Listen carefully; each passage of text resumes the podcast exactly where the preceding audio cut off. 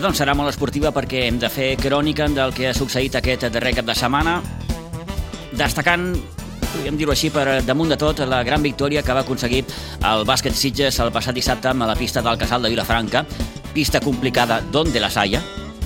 Bàsicament, qui ha visitat la pista del Casal sap mmm, com se les empesquen. En qualsevol cas, partidars d'uns i altres, però especialment d'un bàsquet Sitges que amb només sis jugadors sèniors i amb un munt de joves a la banqueta, van poder imposar-se a la pròrroga al conjunt vilafranquí.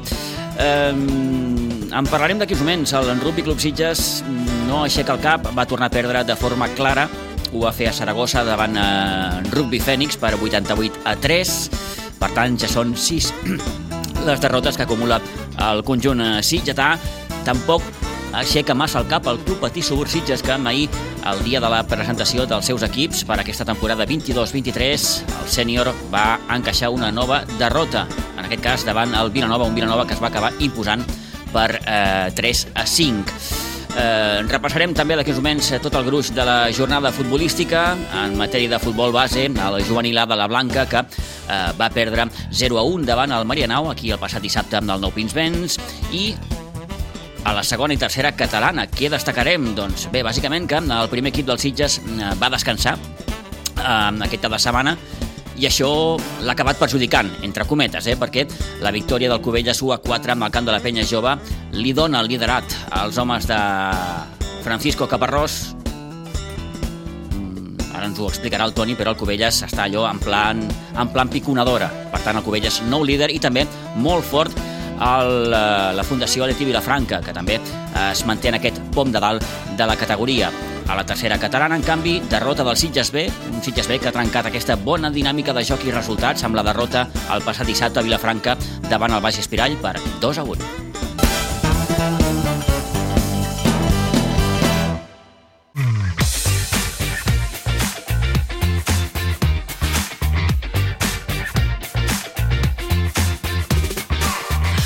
Mateix les 11 i 2 minuts del matí comencem parlant d'en rugby perquè el Rugby Club Sitges va perdre de forma clara a Saragossa, com dèiem, davant el Fènix per 88 a 3. Els sitgetans, com es aquests casos, amb poc fons d'armari de cara a possibles substitucions, ja perdien a la fi de la primera meitat per 36 a 3. Una sisena jornada que, per cert, ens ha dut les primeres derrotes del Cau València, que va perdre 28 a 10 a Sant Cugat i també va perdre l'Hospitalet el seu primer partit, 26 a 16 contra el València. Per tant, Cau, Hospitalet i Fènix segueixen eh, manant a la classificació d'aquest grup B de la divisió d'honor B, mentre que Gòtics i Rugby Club Sitges encara no han estrenat la casella de les victòries. Propera jornada serà el 26 de novembre. El Rugby Club Sitges rebrà el Sant Roque. Destaquem també d'aquesta jornada la derrota que va patir el sènior B del Rugby Club Sitges, 12-14, aquí a casa davant l'Hospitalet B. Derrota del sub-16, 34-14 davant el Club Esportiu Universitari i victòria del sub-14, 24-43 al camp del Gòtics.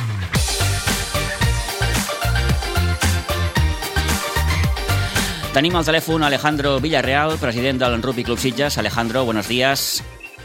Hola, Pitu, buenos días. Eh, no sé si empezar a preguntarte, mm, preocupado por esta nueva derrota del, del, equipo en Zaragoza el pasado sábado.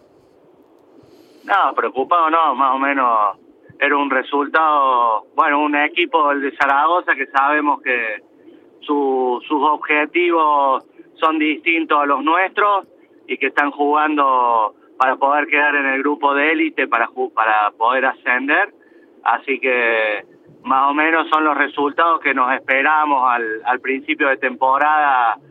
Los, los rivales que sabíamos que era muy complicado poder sacarles bonus o poder ganarles. Como se dice en estos casos, Alejandro, no era un partido de vuestra liga. Exactamente, exactamente. Mientras nosotros tengamos claro cuáles son los partidos de, eh, los rivales directos nuestros y a los que juegan a lo mismo que nosotros, eh, no hay que no hay que desesperarse. En, en cualquier caso, eh, presidente, el, el inicio de temporada se asemeja y mucho a lo que ya vivió el equipo el año pasado.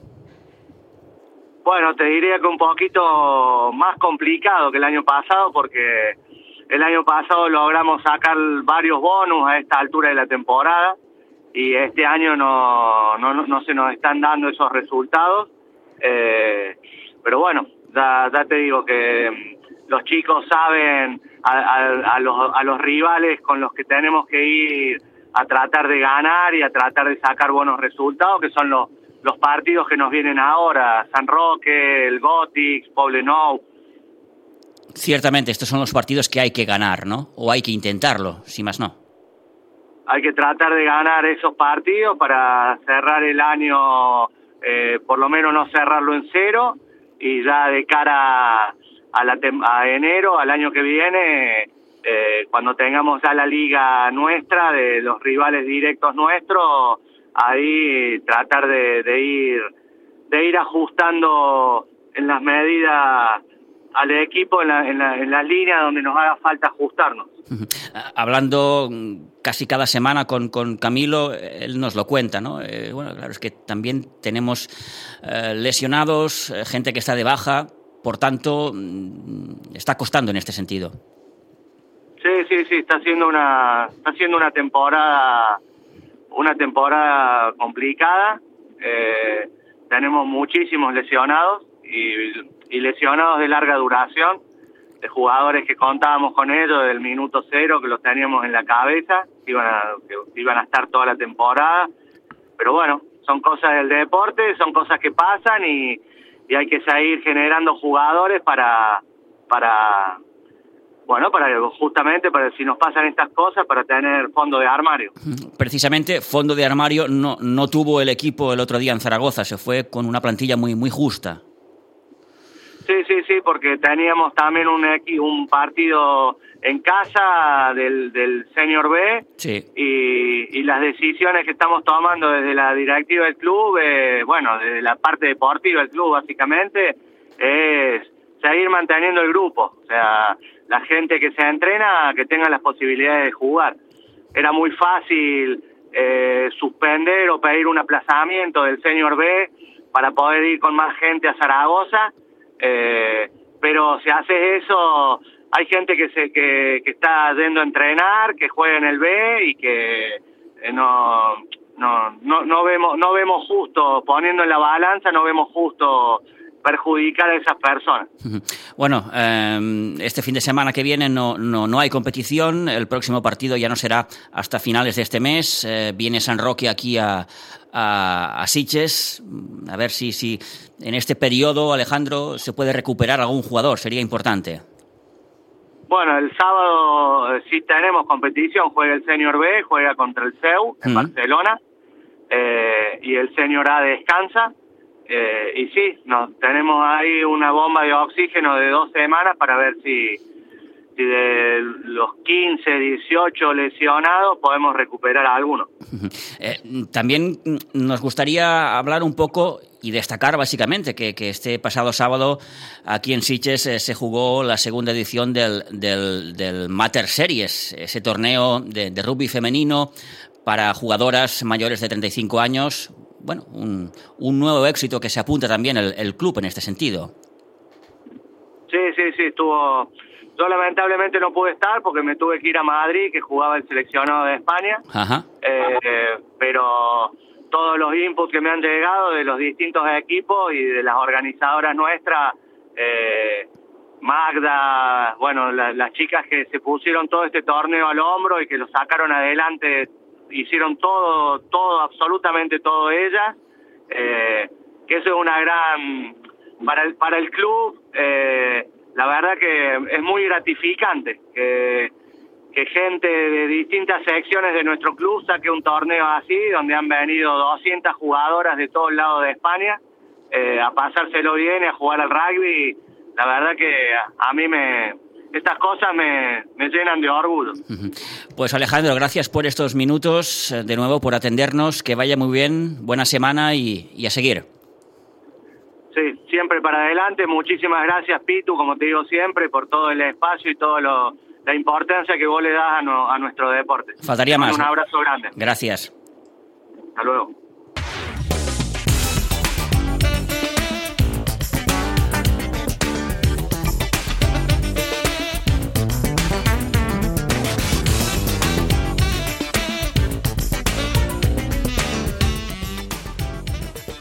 Ara mateix les 11 i 10 minuts del matí, deixem el rugby, obrim carpeta futbolística amb futbol base, la derrota del juvenil de la Blanca, que va perdre 0 a 1 davant el Marianao. Aquest passat dissabte? Al Nou Pinsbens, un Marianao que va marcar amb el seu únic gol de penal al minut 53. Rafa Porres valorava amb aquesta derrota davant el conjunt de Sant Boi. Partit típic de preferent, molt igualat, en poques ocasions per ambes bandes i tot semblava indicar que seria un partit d'empat, però bueno, la segona part, un penal d'aquests televisius, que la pilota amb un centre lateral li toca la mà del central, jo li pregunto al jugador, em diu que no, que la tenia enganxada, des de la banqueta pues, no es veu clar i malauradament pues, aquest penal fa que els tres punts els emporti el Marianau eh, un partit, repeteixo, molt igualat, sense un dominador clar i aquesta acció del penal pues, ens va paralitzar. Vam tenir a l'empat amb una ocasió bastant clara, amb un contrau que el porter la va parar i després, els últims minuts, a la desesperada, pues, vam intentar rascar algun punt, però malauradament no va ser possible. Doncs va tenir la Blanca, com explica Rafa Porres, l'empat al seu abast, al final, però derrota en 0 a 1, repetim, davant el Marianau, que es va imposar amb el nou Pinsbens aquest passat dissabte en aquesta nova jornada amb la preferent de juvenils en el seu grup número 1. La resta de resultats els repassem com cada setmana en companyia de l'Isidre Gómez. Isidre, bon dia i bona hora. Hola, bon dia. Crec que el juvenil B va tenir millor resultat. Sí, primer vull començar-te felicitant perquè et fas més gran. Ah, sí, sí, és cert. Té vostè raó. Moltíssimes gràcies. Doncs pues vinga, ara seguim ja la, amb, amb el tema esportiu. Vinga, doncs. Juvenil B va guanyar per 1 a 4 al camp del Sant Cugat Ses Garrigues, un equip d'aquells d'últim any i aguerridos. El cadet B va perdre 2 a 1 al camp del Vilanova i la Geltrú. El cadet B va guanyar a Pinsbens 16 a 0 al base Olèrdula B. En categoria infantil, el, el nostre infantil de preferent va perdre a casa 0-2 contra l'Atlètic Sant Just. A l'infantil B va guanyar 1 a 6 al camp del Vilanova i la Geltrú D. I finalment el C va guanyar 0 a 3 al camp del Ribes C. En categoria Alevin, l'Alevin A va perdre 2 a 1 al camp del Castell de Fels D. A l'Alevin B va empatar 2 a 2 a casa contra el Sant Boià. A l'Alevin C va guanyar 3 a 1 a Pinsbens contra el Mar Bartra 2020. El D va guanyar 5 a 1 a Pinsbens també contra el Ribes C. I finalment l'E va perdre 3 a 1 al camp de la Fundació Atlètic Vilafranca. En categoria Benjamí, tots són victòries. 2 a 1 del Benjamí A contra l'Escola de Futbol Gavà a Pinsbens. 2 a 4 del Benjamí B contra la penya recreativa Sant Feliu de Llobregat B. El C es va imposar 11 a 1 a Pinsbens al base Vilanova 2015 i finalment el D va imposar-se 0 a 6 al camp del Sant Mauro C. I com ja vaig dir, vam començar amb els, el torneig social, que va anar, van participar quasi una setantena de nens llargs, Uh -huh. i així ens, va, ens omple, era bonic veure tots amb, amb els seus samarretes de coloraines, i molt bé. I avançar que el dia 17 eh, jugarà el de juvenils de segona divisió el derbi sitgetà a Pinsbens el dia 17, que és dijous a les 8 del vespre. Blanca Sitges, perquè tenim, com que ja sabeu, tenim el gran problema de que en teoria ens canvien la gespa del camp dintre no gaire, hem d'anar avançant partits per, per no trobar-nos després amb un coll d'ampolla que ens faci, ens faci patir. Està al caure, això, no, Isidre? Bueno, segons tots els rumors, perquè encara oficialment no ho sabem, de quin dia es començarà, hauria de començar la última setmana de novembre, primera de desembre. Ens diuen que tots els passos que s'estan seguint porten el seu temps adequat, o sigui que per lo que els càlculs que fem, perquè dic, no ens han dit exactament encara, tal dia entraran les màquines, calculem que allò l'última setmana de novembre, primera de desembre, o sigui que Ara el problema és trobar lloc on tant que havia entrenaments, canviar partits d'ubicació, eh, canviar el local de visitant... Sí, és un, és un bon garbuix. Sí, sí, és un, és un mal de cap considerable, però bé, mm, eh, la situació és la que és i bé, el Nou Pinsbens necessita aquest canvi de gespa, per tant, doncs, previst, com ens apunta l'Isidre, entre finals de novembre i principis de desembre aquest, eh, que, que comencin ja les, les obres al, al Nou Pinsbens. Isidre, moltíssimes gràcies. Gràcies a vosaltres. Que vagi bé. Bona setmana. Adéu-siau. Adéu.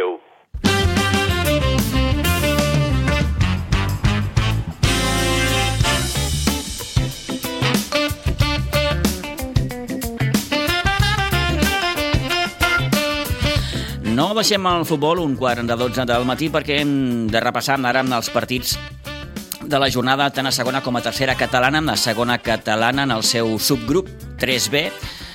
Recordem que la Unió Esportiva Sitges descansava aquest cap de setmana, circumstància que va aprofitar amb el Cubelles per col·locar-se líder, gràcies sobretot a la seva victòria 1-4 amb el camp de la Penya Jove. També va guanyar per al mateix resultat la Fundació Aleti Vilafranca 1-4 al camp del Gavà, el Cabrils que es va imposar 2-0 al Sant Vicenç dels Horts, també va guanyar el Sant Feliuenc B 2-0 al Vista Alegre i el Moja, de Manuel Rodríguez, que va perdre 2-1 davant l'Espluguenc. Toni, bon dia, bona hora. Bon dia, bon dia, Pitu. Uh, abans em digui el Toni, uh, aquest Cubelles ara mateix està en plan piconadora. Sí, està molt fort, està molt fort. Ahir el partit al camp de la Penya Jove, eh, és que dic al minut res, als 50 segons, el Covella ja s'adelantés al marcador en una gran jugada per la banda en la que el jugador Sola, que és un dels jugadors golejadors del Covelles, eh, doncs eh, marqués el primer gol que ja te marcava una miqueta el partit i quan al minut 17 doncs eh, Isell feia el 0 a 2, eh, és que no havien jugat 20 minuts i ja estava guanyant 0-2 al, al Cubella, i clar, això feia preveure que tot i que estava lluitant molt a la penya jove, que té mancances potser defensives, doncs la va aprofitar molt bé el Cubelles per ja començar a imposar la seva llei, una llei que va controlar perfectament perquè doncs, després va acabar la primera part amb un 0-3 i al final l'1-4 ve en un penal ja fet quan el Covella ho tenia tot controlat ja en els últims minuts de la segona part eh, i realment doncs, deixava el marcador 1 a 4. Fins i tot eh, Francisco Caparrós deia ha estat el partit que menys hem patit. Que menys hem patit. Exacte, uh -huh. que menys hem patit perquè doncs, hem arribat a la final del partit tranquils. Amb la sensació de que no has patit i que t'has imposat de forma, de forma clara a una Correcte. penya jove que, després d'aquest resultat, eh, és QE, té, té 4 punts, al conjunt de, de Cigor Bengoa. El Cubelles, eh, com dèiem, eh, gràcies a aquesta victòria i que al Sitges li tocava descansar, eh, es posa líder, suma 20 punts. De fet, Toni continua sent el Cubelles l'únic equip que no ha perdut. No ha perdut, no Eh? ha perdut cap partit, ha empatat dos, divendres. Ha empatat dos, però no ha perdut cap. Eh, a favor de, dels Sitges, eh, si toquem una miqueta els Sitges, eh, es té que dir que és l'equip menys golejat, que tan sol ha encaixat 5 gols, i si tu mires els tres que van per darrere, que estan eh, destrossant a los demés equips, com és el cas del Cubella o la Fundació Aleti Vilafranca, amb el seu gran golejador, com és el Boada, doncs, eh, si mires... Està també en un gran moment el conjunt vilafranquí. Està en un gran moment, eh, va- ara realment... Li va fer 1 a 4 al Gavà, eh? El Gavà, eh? un Que està en hores baixes, però que li va donar molta feina al Cubelles i que el Cubelles va acabar guanyant ara fa dues setmanes precisament en, en el temps de- d'afegit. Eh? Pràcticament el partit estava acabat i estaven 1 a 1 i al final van aconseguir el 2 a 1, no? Però que quan veus això, veus que el, la fundació està molt forta, el Cubelles està molt fort i el Sitges doncs, ja ho va demostrar al camp de Sant Vicent dels Sors. Ara mateix Cubelles líder 20 punts, Sitges segon amb 19, tercer Fundació Aleti Vilafranca amb 18. L'Espluguenc, que és el quart, té 13 punts. És a dir, la diferència ara mateix entre el líder i el quart és de 7 punts. Sí. S'obre, per tant, aquí una petita escletxa que, Sí. comença, que, que no, comença a ser una mica més que petita. Sí, sí, comença ja a ser una, eh, una, Una diferència, diferència una diferència interessant. interessant no? Mm. perquè estem a dos, a, a dos jornades d'acabar la primera volta eh, eh, i si a dos jornades de la primera volta ja n'hi ha una diferència de 7 punts, clar, això vol dir molt que aquests tres equips que estan a dalt és cosa de tres, són els tres equips que si no passa res estrany eh, doncs sí, sí. eh, eh, jugaran, jugaran la, passaran a la segona fase, Sí. sí. jugaran la, la, la fase per, per, per ascendir en, Mm. en, aquest, en aquest sentit. Un Sitges que dissabte a la tarda jugarà contra el Cabrils, aquest Cabrils que ve de guanyar precisament 2-0 al Sant Vicenç dels Horts, un Cabrils que ha mostrat símptomes de recuperació aquestes últimes eh, jornades.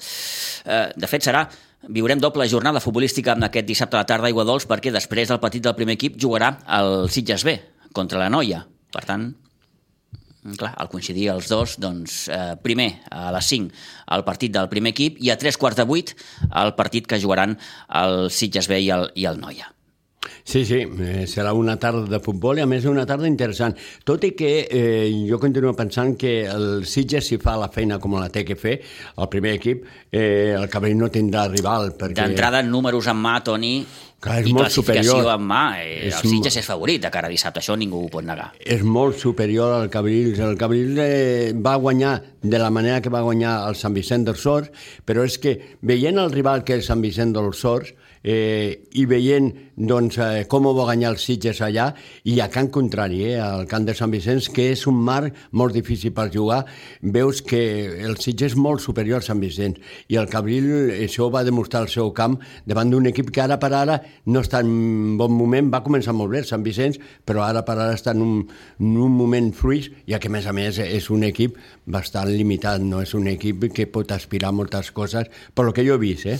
Així doncs han anat les coses en aquest eh, subgrup 3B de segona catalana. Passem ja a repassant ràpidament el grup 12 de la tercera.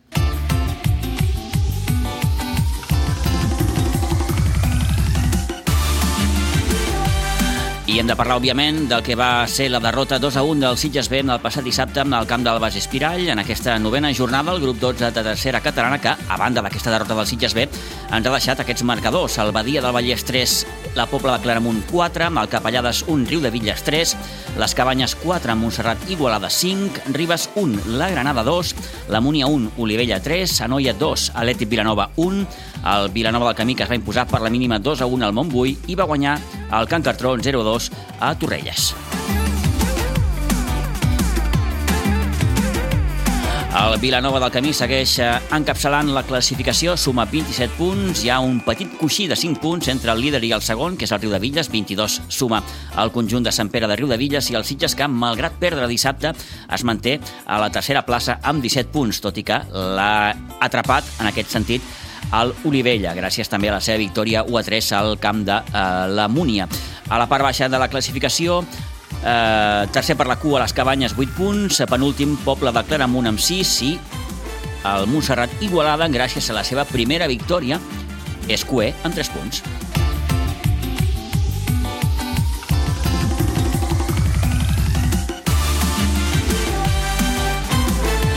Bé, doncs, com dèiem, el Sitges B que va posar fi a una bona ratxa de joc i en resultats, Toni, dissabte li va tocar perdre un partit que, que començava molt bé, mm. amb, amb el gol que feia el Josep a la primera meitat i, i res, va ser en els darrers instants de partit quan el Bas Espirall va capgirar la situació. Sí, però va ser la segona part, perquè de fet el, el Sitges va jugar una sensacional primera part. Potser una primera part de massa joc per a la categoria, no?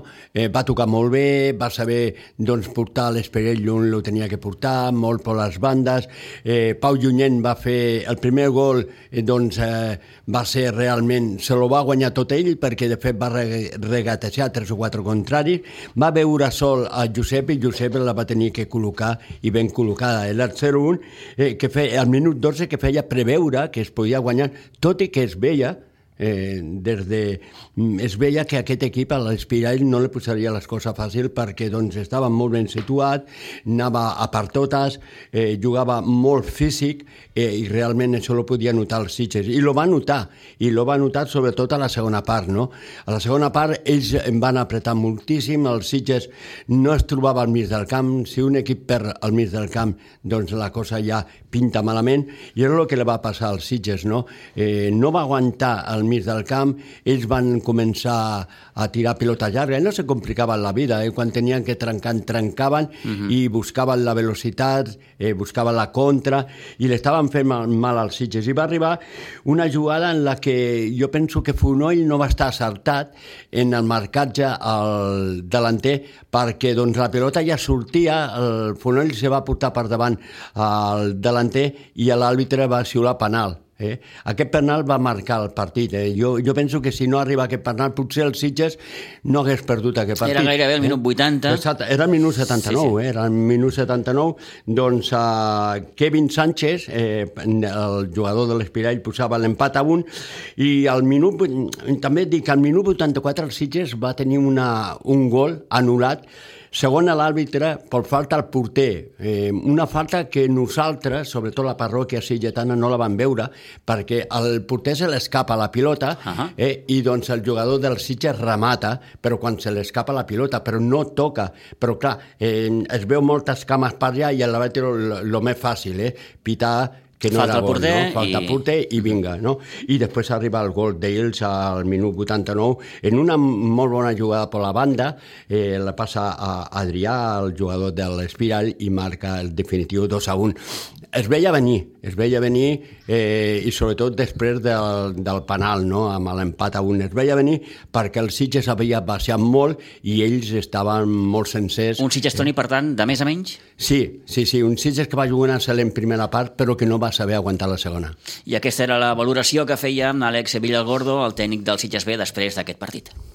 Sí, sabíem que era un, és un camp difícil, venir aquí a Espiral sempre la, la gent apreta molt, eh, a l'àrbit, als jugadors, tal, tot i així la primera part que hem fet és boníssima, és excel·lent, eh, amb pilota, sense pilota, totes les fases, i la segona, doncs, suposo que també perquè el rival juga, pues, han passat per sobre nostra, eh, no hem sapigut frenar eh, el seu potencial i no hem sapigut eh, aprofitar les nostres virtuts i ha fet que, que el partit es jugui al, al nostre camp i, i bueno, al final han capgirat el marcador.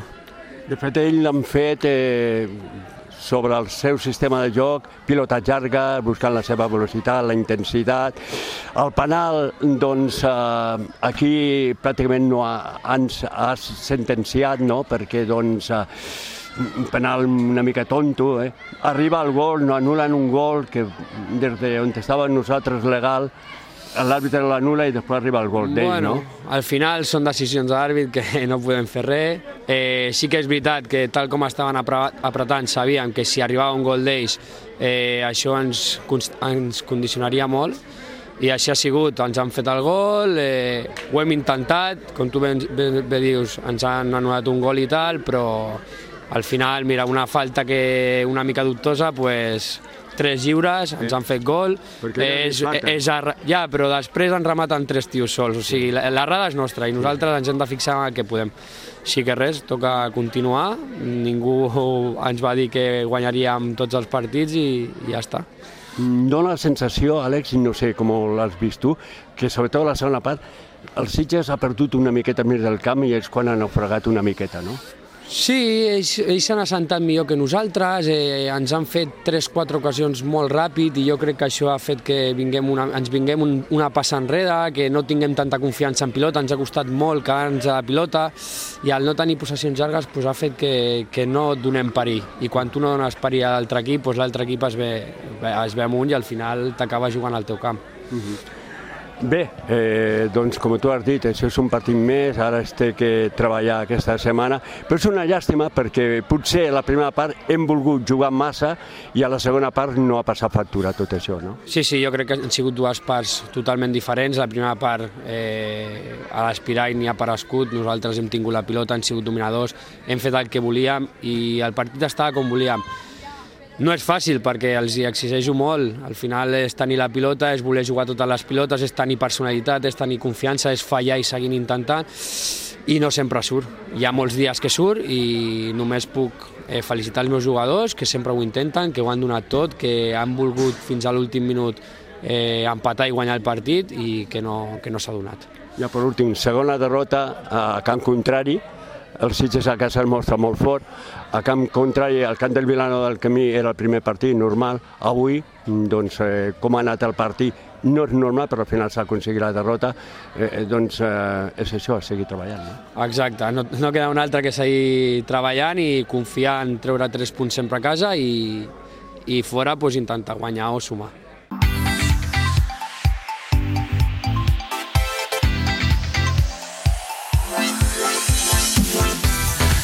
Bé, doncs diríem allò que la derrota de dissabte amb el Bas Espirall, Toni, és una petita pedra en el camí.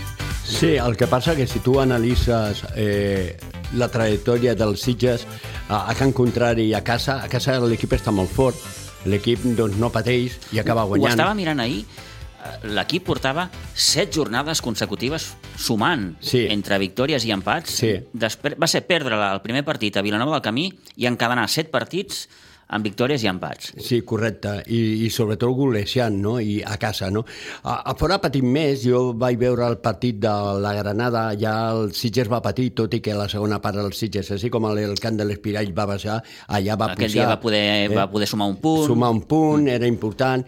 Eh, el cart de l'Espirall, doncs, eh, te diu, el cart del Ribas, acabar el partit 0-0, no? Ahà. I, eh, eh, a cada contrari sempre doncs, eh, li està costant una miqueta més als Sitges, no? Potser és perquè és un equip molt jove, un equip poc experimentat en aquests camps, i aquí mosseguen molt, no? Tirarem de tòpic en aquest sentit i, i podem afegir allò de... mm, Sí, li falta aquest puntet, com dius, de- de- de- d'experiència que t'ajudi a acabar de gestionar els partits, no? Sí, clar, si tens la gent sobre, com el cas de l'Espirall, que doncs, eh, eh, d'alguna manera fins i tot eh, fan decidir a l'àrbitre algunes cosetes eh, per l'ambient i això, clar, el jugador això ho nota molt i quan un jugador no és tan experimentat eh, com que tenen aquella veterania, doncs eh, això ho nota el Sitges. De tota Saber manera, el partit, eh, sí, de tota fi, manera- totes aquelles coses que, que, sí. que, que, que saps fer quan, quan ja portes un bagatge doncs, de molts anys. Correcte, te trobes un equip tan guerriller com l'Espirall, perquè és un equip jove, però molt guerriller, no? I jo penso que aquest equip, l'Espirall, no acabarà malament, estarà també... Bé, de moment el tenim setè quatre, classificat, té 14 punts, total 3 menys que els que té ara mateix el Sitges B o l'Olivella. Mm, Poques coses, diria, han canviat a la classificació, Toni. Poc. El Vilanova del Camí continua doncs, guanyant tot el que juga, tot i que aquesta setmana va patir per derrotar el Montbui, eh, però bé, És fa un derbi, era un derbi. Té, té un 9 de 9, és un equip ara mateix immaculat en aquest sentit, el Riu de Villas també va ser capaç de guanyar a Capellades, un Capellades que estava fent um, bons partits últimament, i el Sitges B, doncs que tot i la derrota està allà. Sí, està allà, el que passa que... Està clar, allà per dir, bueno, estic aquí, Estic eh, aquí. no feu el tonto els de dalt perquè mm, us Sí. estaré vigilant. Però clar, tu acabes guanyant a l'Espirall i te quedes a dos punts del Sant Ah, Pere exacte, Rodivilles. exacte, sí, en canvi, sí, sí, d'aquesta sí, sí, sí. manera, el Rodivilles, Sant Pere Rodivilles, l'ha ampliat a Sí, sí, 5 punts. et treu 5 punts. Veurem què passa dissabte que ve amb la noia, una noia que eh, vindrà com a novè classificat. Eh, bé, no deixa de ser un equip de, de la noia, Sí. precisament. Sí, sí, sí. A més, un equip que Són sempre... generalment incòmodes, eh? Sí, incòmode i sempre ha intentat eh, posar les coses molt complicades als Sitges, eh? Veurem, veurem aquest partit que, com dèiem, es jugarà amb aquest proper dissabte al municipal de Godols a partir de 3 quarts de 8. De fet, serà el partit que jugarà després del que disputaran els primers equips dels Sitges i del Cabrils.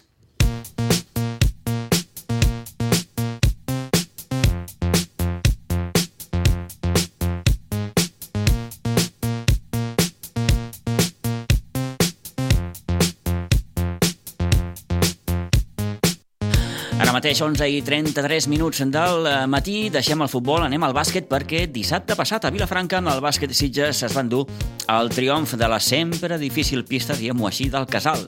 Ja ho saben els que han tingut l'oportunitat de visitar algun cop la pista del Casal, pista petita, ambient calent, amb el públic eh, apretant de valent, el públic que gairebé està allò trepitjant literalment el, el, el terreny de joc, en fi, Partidàs. Partidàs en majúscules eh, que es va haver de resoldre amb la pròrroga després eh, que el Casal aconseguís igualar el partit a 73. Un bàsquet de Sitges que es presentava el partit amb només jugadors, amb sis jugadors sèniors, per tant, els joves de nou van ser protagonistes, almenys eh, acabant d'omplir la, la banqueta, un Sitges que va anar per davant durant tot el partit, el descans ja dominava per un 27-36, fins que, com dèiem, el Casal va aconseguir igualar el marcador en els darrers instants. A la pròrroga, vaja, mm, espectacular. El bàsquet de Sitges amb un parcial de 2 a 18 i amb un gran encert d'homes com Ivan Ramírez, com Nacho Velasco des de la línia dels 6-75. Al final, victòria per 75 a 91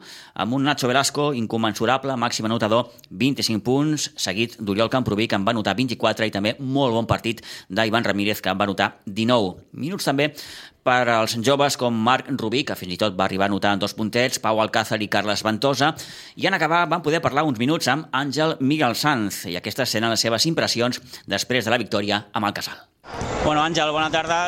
Primer de tot, enhorabona per, per la victòria. Quin partit? Ni que ho digui, sempre que venim aquí tenim partits complicats, però crec que és la primera pròrroga que juguem aquí. Hem anat sis jugadors, que hem al final dels sèniors només, i guanyar la pròrroga contra un equip com el Casal pues, encara té el doble de mèrit. Quina lectura fas del partit? Un partit que heu anat per davant gairebé durant tot el maig, al final ells han aconseguit igualar 73, heu anat a la pròrroga i heu fet una pròrroga espectacular. Sí, saps que el Casal al final, vulguis o no, perdi de 20, guanyi de 20, sempre és un equipàs, tingui qui tingui, i més a la seva pista, que té el factor públic, el factor pista estreta, que és un, un, un factor afegit. Aleshores, al final, guanyar una pista com aquesta, un partit tan complicat com aquest, doncs té molt de mèrit. Aquí mentalment un ha de ser molt fort. Mental i físicament. Físicament sobretot perquè crec que hem jugat la majoria de jugadors 30-45 minuts i mentalment perquè t'estan dient de tot des de la grada i tot de seguir, els jugadors de l'altre equip també te'n van insultar, et van pillant dels pantalons, el que sigui, i tot de seguir fent el teu partit. Facis bé, facis malament. Saps que has de jugar tants minuts i ho has de fer el 100%. És un partit de fase regular, imagina venir aquí amb un playoff. Dificultat afegida, però bueno, esperem que el pròxim cop que juguem contra Vilafranca siguem tot l'equip, no tinguem que vindre aquí només 6 i els 6 sub-21. Així que bueno, al final el que compta és la victòria, una pròrroga espectacular com bé has dit, un 2 a 15 o 2 a 16, només ficant triples, o sigui que, que molt content. Crec que tant tu com l'Uri heu jugat tots els minuts possibles. Sí, sí, Uri i jo hem jugat crec que 45 minuts tot el partit i els altres 30 cap amunt. O sigui... Una miqueta obligats per la situació de baixes que teniu. Sí, sí, mirava de la banqueta i no havia canvis possibles. Ha entrat el Pau, ha entrat el Carles, han donat dos, tres minuts de qualitat, però al final és un partit d'altes exigències que s'ha de jugar sempre al 100%. No pot reaccionar un minut, que és el que ens ha passat, que ens han ficat dos punts seguits. És més que una victòria, aquesta? És una més. Hem de guanyar 20 partits. I portem de moment 6, sí que molt content. Molt bé, Àngel, enhorabona, eh? Moltes gràcies, Pitu.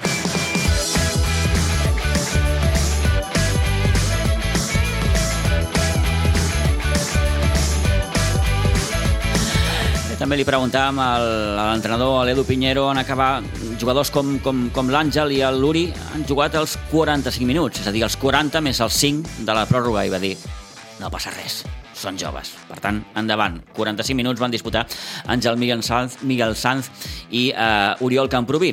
I, òbviament, Edu Pinheiro, doncs, satisfet i feliç, molt feliç per superar una setmana més l'absència dels lesionats i destacant, sobretot, el gran treball dels seus jugadors. Enhorabona per la victòria. Quin partit? Bueno, mola. Molado. Bueno, es una pista difícil. O sea, eh, yo creo que hemos empezado muy bien jugando. Eh, hemos, hemos tenido un bajón. Hay que dosificar. Estoy con seis seniors. Pero, joder, se lo han trabajado, tío. Se lo han trabajado. Habéis ido por delante todo el partido, os han igualado al final a 73 Tres, ya está. y, y la prórroga ha sido espectacular. Yo les he dicho, digo, hey, ahora, ahora no vais a fallar, no vais a fallar. Joder, me como que no, normal. No, no, ha sido- hemos estado acertados y bueno, y se ha demostrado ahí, pues bueno, pues el trabajo que se está haciendo durante la semana, el de pico y pala y, bueno, ya cuando en, estas, en estos momentos es cuando, hostia, demuestras pues eh, eso, el, trabajo que llevan haciendo y bueno, los triples de Nacho, los triples de, de Iván, el trabajo que hemos hecho, pero bueno, contento, feliz. Dar las gracias también a los, a los jóvenes que nos, que nos están ayudando ahí ahora y, y que bueno, que están apretando y, y bueno. ¿Tiene un punto de épica esta victoria por la situación que vive ahora el equipo? ¿O no? Eh, la semana pasada era difícil. Yo, yo les, yo les dije, o sea, tenemos ahora, nos quedan 18 finales. Nos quedan 18 finales. Para mí una, son una final, lo voy a y lo voy a tratar.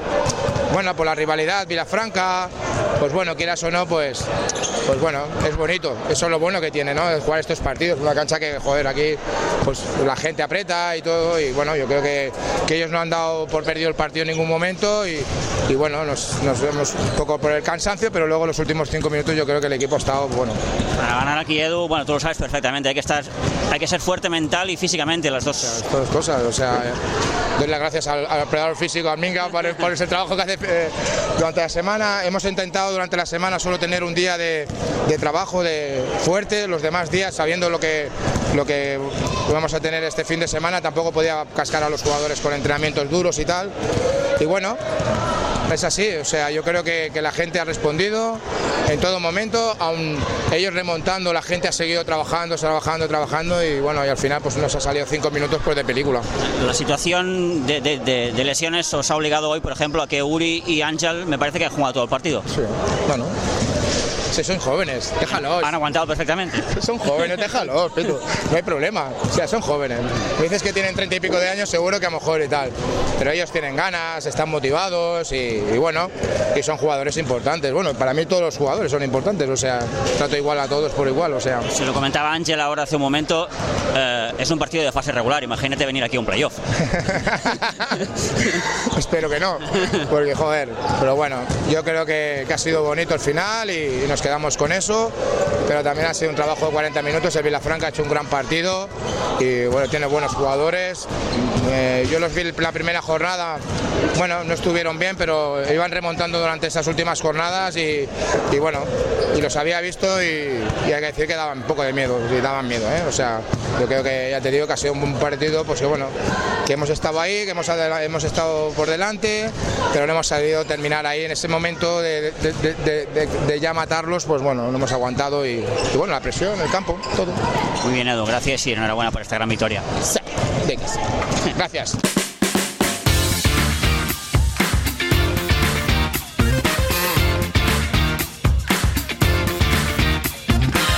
Bé, total que la classificació Sant Nicolau B i Bàsquet Sitges amb 5 victòries es troben a la part de dalt de tot. Recordem que dissabte acabem a Pinsbens, rebram l'Esparreguera, en partit que es jugarà a partir de les 6 de la tarda. Victòria també en aquesta jornada del sènior B que es va imposar 52 a 70 amb el Joventut Sant Vicenç i triomf del sènior femení que va guanyar 46-29 davant el Regina de Rubí.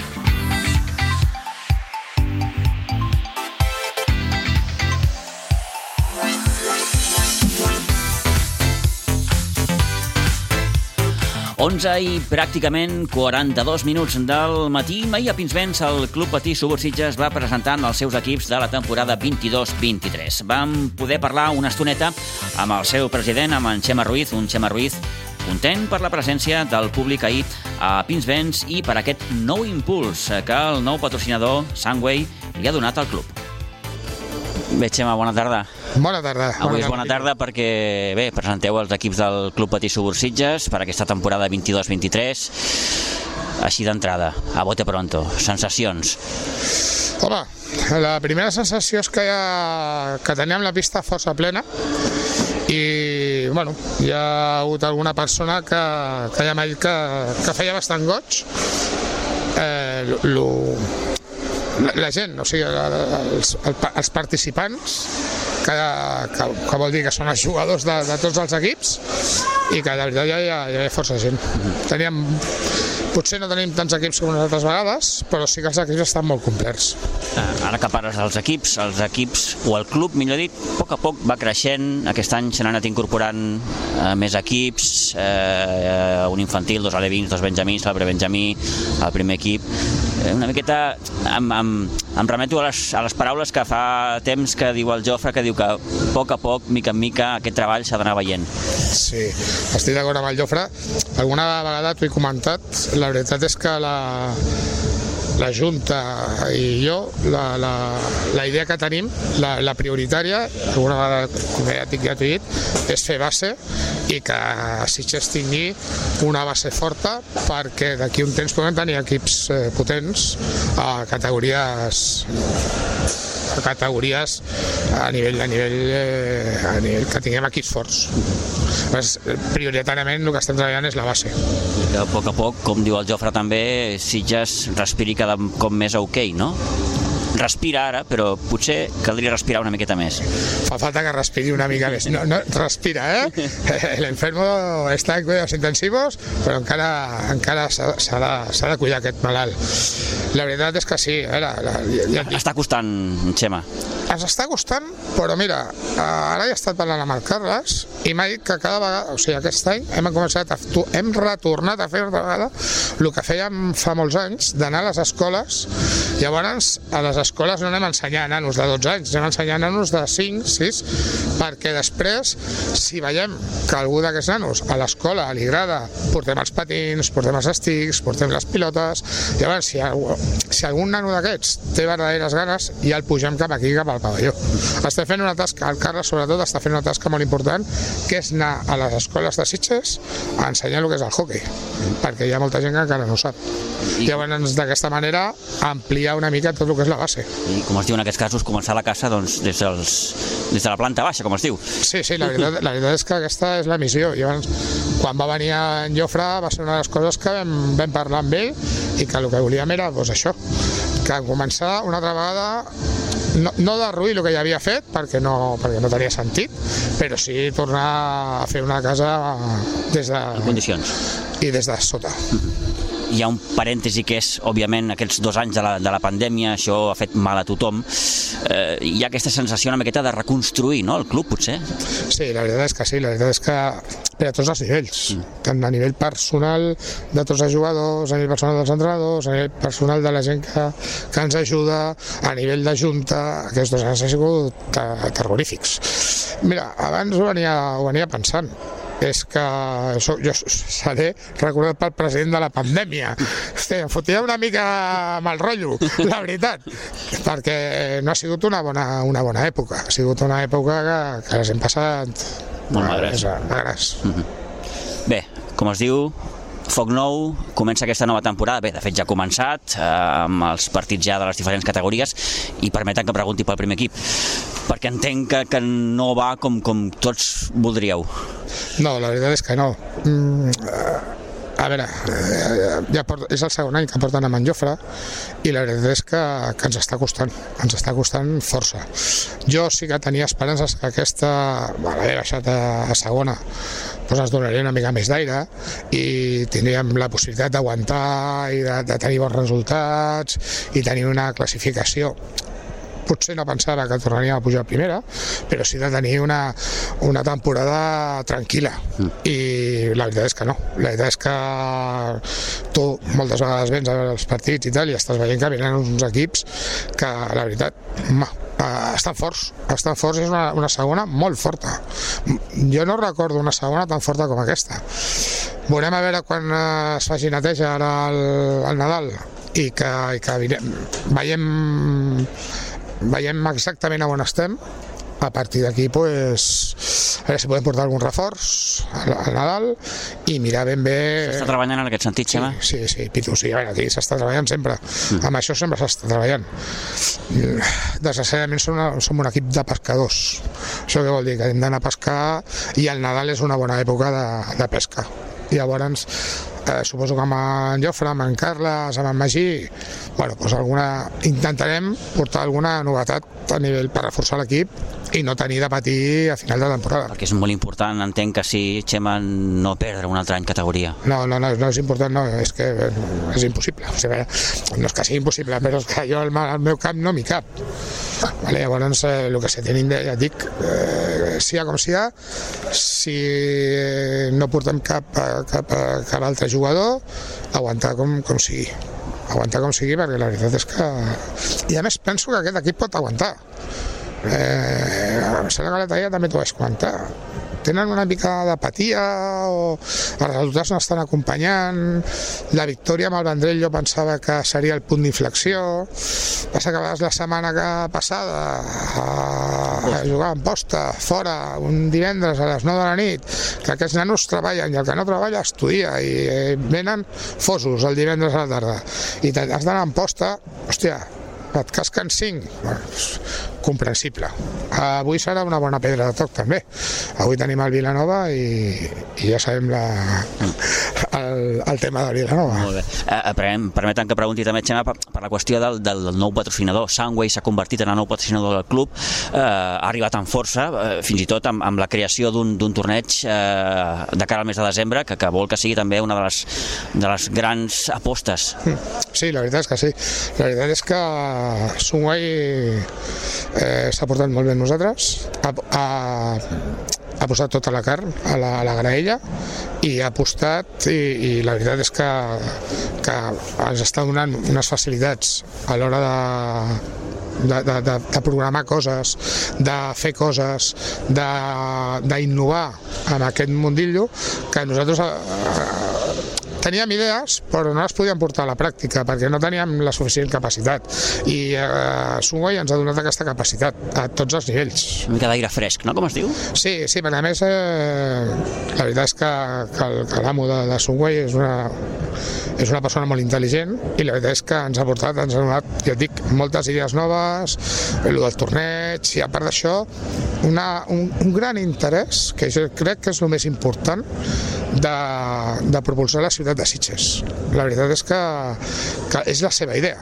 La seva idea no és ni fer calés, perquè no en farà, però ni fer calés, ni... La seva idea és que Sitges es coneixi una mica més del que ella es coneixia. I si és a través de l'esport, molt millor. Bé, hi ha una primera aproximació en aquest sentit amb el tema dels escacs. L'Òscar Stover doncs, eh, ha aconseguit dur el, el torneig internacional d'escacs al, al més amunt, al top, doncs ara suposo que s'intentarà també a través de l'hoquei. Li costarà una mica més, eh? Sembla que la gent dels escacs és més sèria que, que els del hockey.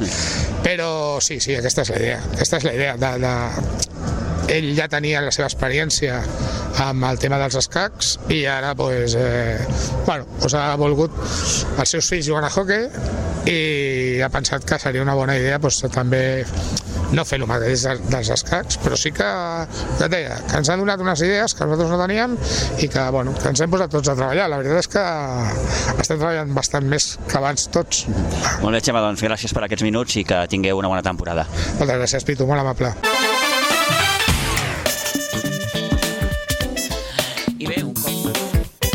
I bé, un cop acabada la presentació, el sènior va disputar amb el seu partit davant el Vilanova, partit que va acabar amb una nova derrota dels sitgetans per 3 a 5. Davant un Vilanova, diguem-ho així, més efectiu, molt més encertat, que va saber aprofitar també les errades d'un club petit sobre Sitges, el que tampoc sembla que li acompanyi massa la sort, tot i que això de la sort ja ho saben que mm, en l'esport, mm, vaja, tampoc cal tenir-ho massa, massa, massa present errades puntuals també que es paguen molt cares, en fi, derrota 3-5, una més, aquesta era la lectura del partit que feia l'entrenador Jofre Vilà. Bueno, Jofre, bona nit. Bona nit. Uh, más de lo mismo. No sé quina lectura fas així d'entrada del partit. Que hem dominat, que l'àrbit no ens ha ajudat massa, el, ha mantingut l'altre equip amb faltes i penals, i al final pues, hem pagat un error puntual en un moment determinat i això ha acabat amb tot el partit. La sensació des de fora és que l'equip fa, ho fa, ho fa, ho fa, però que no, no, no acaba de trobar aquell punt de dir ni la sort ni l'encert. Sembla que tot està en contra. Sí, però ja a mi em toca dir que no i que treballem perquè això no sigui així i que potser ja l'ansietat la tindríem que haver deixat superada des de fa molt de temps, però al final sempre ens trobem amb aquella jugadeta, amb aquella cosa que nosaltres ens fan i la nostra capacitat per remuntar les coses pues, no, no, no ens acaba de, de deixar tirar endavant. Clar, nosaltres també tenim les pilotes parades, mm, estem patint això. O sigui, bàsicament el hockey modern, si no tens un mínim de pilota parada, eh, i jo crec que ens està penalitzant molt. O sigui, no me'n recordo l'última vegada que vam fer un, un penal o una falta directa. Clar, això et serveix per anar-te mantenint dintre del partit, si no les fas t'obliga a fer-ho de joc i amb el hockey actual això és molt complicat. Més enllà d'aquest aspecte puntual que comenta Jofre, hi ha quelcom també de mental? Home, jo crec que no, perquè és un equip curt, som els que som i tothom sap que té la seva funció i el seu joc. Eh, No, no crec que sigui aquest el problema. Sigui, el problema ja, o, o si és aquest el problema, ja el tindríem que haver deixat superat des de fa molt de temps. Eh, són, són errors puntuals i falta d'encert. No, no, és que no trobo una altra explicació. Uh -huh. O sigui, juguem, ara ja sí que juguem, dominem el partit, el controlem, com és normal, hi ha algun moments que, que... Però avui ha sigut un, pràcticament la primera part un, un atac constant nostre i la segona part en algun moment ens hem deixat controlar, sobretot suposo que pel cansanci d'algun jugador, però al final el que ha mantingut el partit ha sigut la pilota parada i, i al final se'ns ha trencat amb un error. L'equip es pot reforçar, cal reforçar-lo?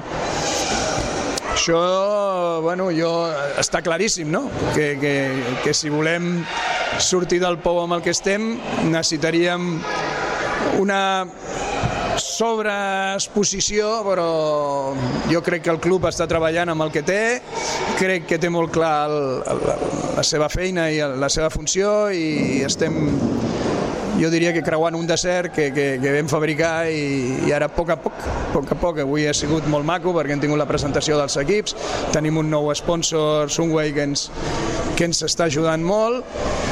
Bueno, a poc a poc anem sortint del pou, eh, el club es va refent, es va reorganitzant i poquet a poquet. El que passa és que, clar, abans érem un gegant amb uns peus de fang, ara estem treballant amb els peus i, i gràcies a la voluntat d'aquests jugadors que continuen treballant i cada setmana venen a entrenar tres vegades a la setmana i, bueno, i poquet a poquet, ja et dic, amb el joc està claríssim, el joc és que l'hem dominat contínuament, però, però, però al final errors puntuals, no posem la bola al penal, ens, amb un contraatac eh, fem un, una mala lectura i, i al final això ens penalitza amb accés. Després, sí, al final del partit ha sigut un córrer a veure què puc fer i això ens ha penalitzat amb un gol més. O sigui que, però bueno, un resultat de 4-2 o 3-2 que ha sigut el més just. Clar, el problema és que nosaltres, amb la situació que estem, no ens podem permetre ni perdre d'un ni perdre de cinc. Hem anat a buscar el partit i, eh, i ens ha penalitzat encara més. Clar, les nostres situacions no són aquestes. O sigui, les nostres situacions són unes altres, d'anar protegint, anar treballant, anar picant pedra. Clar, un partit és molt llarg, 50 minuts, i eh, un moment que, que, que, que badem un moment, res, un moment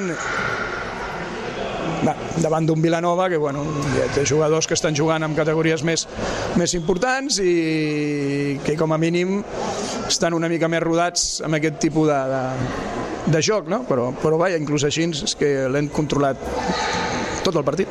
De moment el bagatge és el que és, s'ha pogut guanyar només un, un partit, eh, tres punts, eh, eh, no sé, com, com, com veus el futur més, més immediat?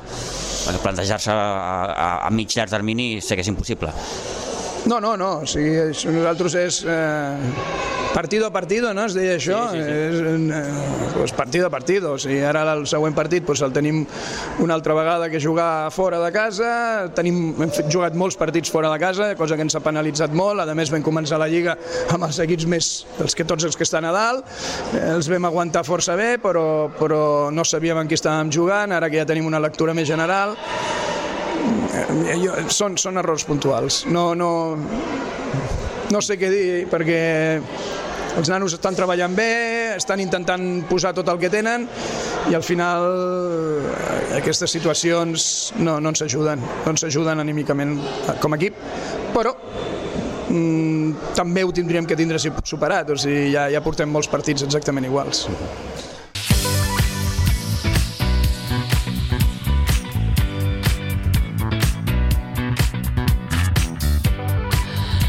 Doncs aquesta era la valoració que feia Jofre Vilà després d'aquesta nova derrota de l'equip i pensant ja allò, el partit a partit, no? pensant en el proper partit que jugarà l'equip dissabte al vespre a la pista del Cambrils. Eh, clar, ara tot el que no sigui sumar, d'ara en endavant, gairebé és ja condemnar-te, tot i que, vaja, qui pensi que l'equip ara pot aspirar a alguna cosa més que d'entrada eludir aquestes places de, de, de descens, vaja, repeteixo, partit a partit, pensant en Cambrils, intentar sumar, ni que sigui un punt, i a partir d'aquí, doncs, esperar, com també apuntava Xema Ruiz, el president, que per Nadal l'equip pugui eh, reforçar-se amb, amb alguna incorporació.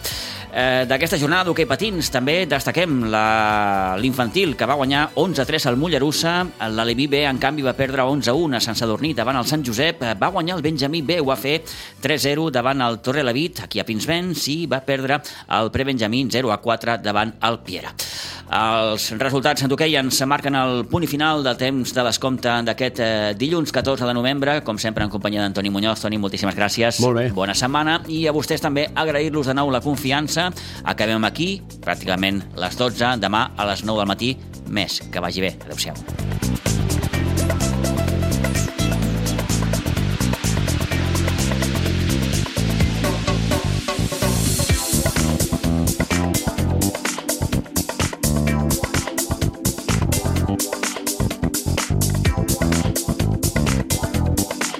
A Ràdio Maricel, cada dia, al matí amb nosaltres.